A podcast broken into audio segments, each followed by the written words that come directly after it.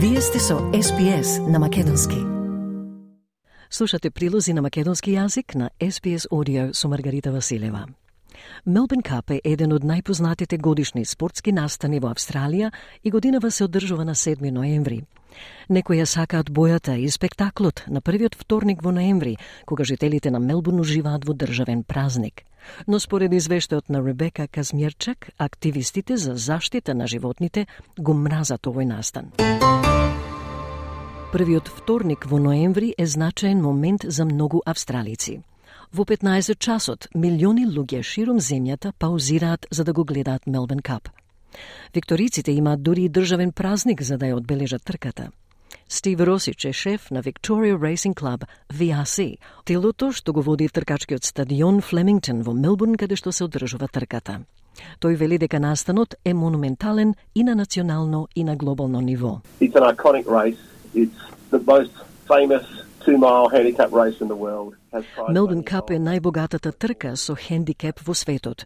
Тоа е трка во која секој конј носи одредена тежина, што се одредува според официјалниот рейтинг на конјот. Поуспешните коњи имаат поголема тежина, со цел на сите коњи да им се дадат еднакви можности за победа. Тоа е практика која привлече растечки критики од групите за заштита на животните. Доктор Лиз Уока е шеф на RSPCA Victoria, кралско друштво за спречување на лош третман кон животните. Таа вели дека користењето камшици на тркачки коњи е сурово, не ги подобрува перформансите на коњите, туку ги тера да трчат побрзо, со што се нанесува повреда. Крајно време е австралиската тркачка индустрија да ги елиминира камшиците и да ги следи другите земји широм светот, изјави Уока.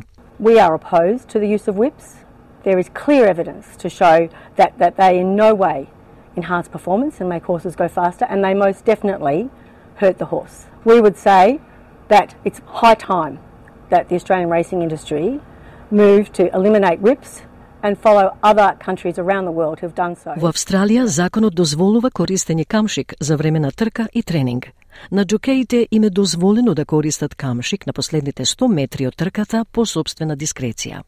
Не смеат да го кренат камшикот над драмото и не можат да камшикуваат коњ во последователни чекори пред ознаката од 100 метри. Докторот Уока исто така вели дека поголема транспарентност околу известувањето за благосостојбата на тркачките коњи може да спречи фатални повреди предизвикани од трка.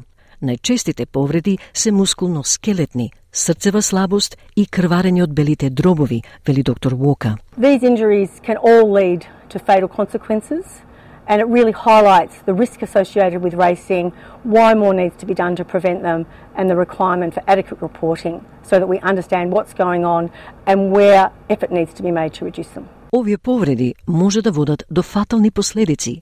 И поради тоа, доктор Вока го нагласува ризикот поврзан со тргите и зошто треба да се направи повеќе за да се спречат. Според Коалицијата за заштита на тркачките коњи, Coalition for the Protection of Racehorses или накратко CPR, најмалку 168 коњи биле убиени на австралиските тркачки патеки во последната тркачка година помеѓу 1 август 2022 и 31 јули 2023. Според VRC и Racing Victoria, секој конј што ќе се надпреварува во Мелбен Кап ќе биде подложен на CT скенирање и два физички прегледи пред трката. Овие скенови потоа се разгледуваат од страна на панел од меѓународни експерти за конјска хирургија и ветеринарна диагностичка слика.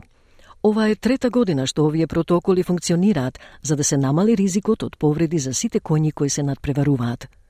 Загриженоста за благосостојбата на животните не ги одвраќа австралиците да се вклучат во Мелбурн Кап. Всушност, според господинот Росич од Victoria Racing Club, младите се тие кои го потекнуваат растот на членството. The interest from young people in particular is continuing to grow.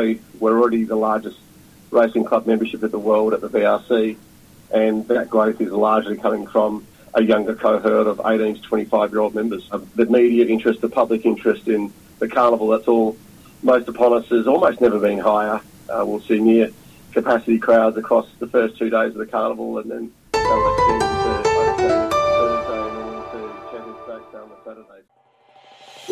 Сакате ли да чуете повеќе прилози како овој?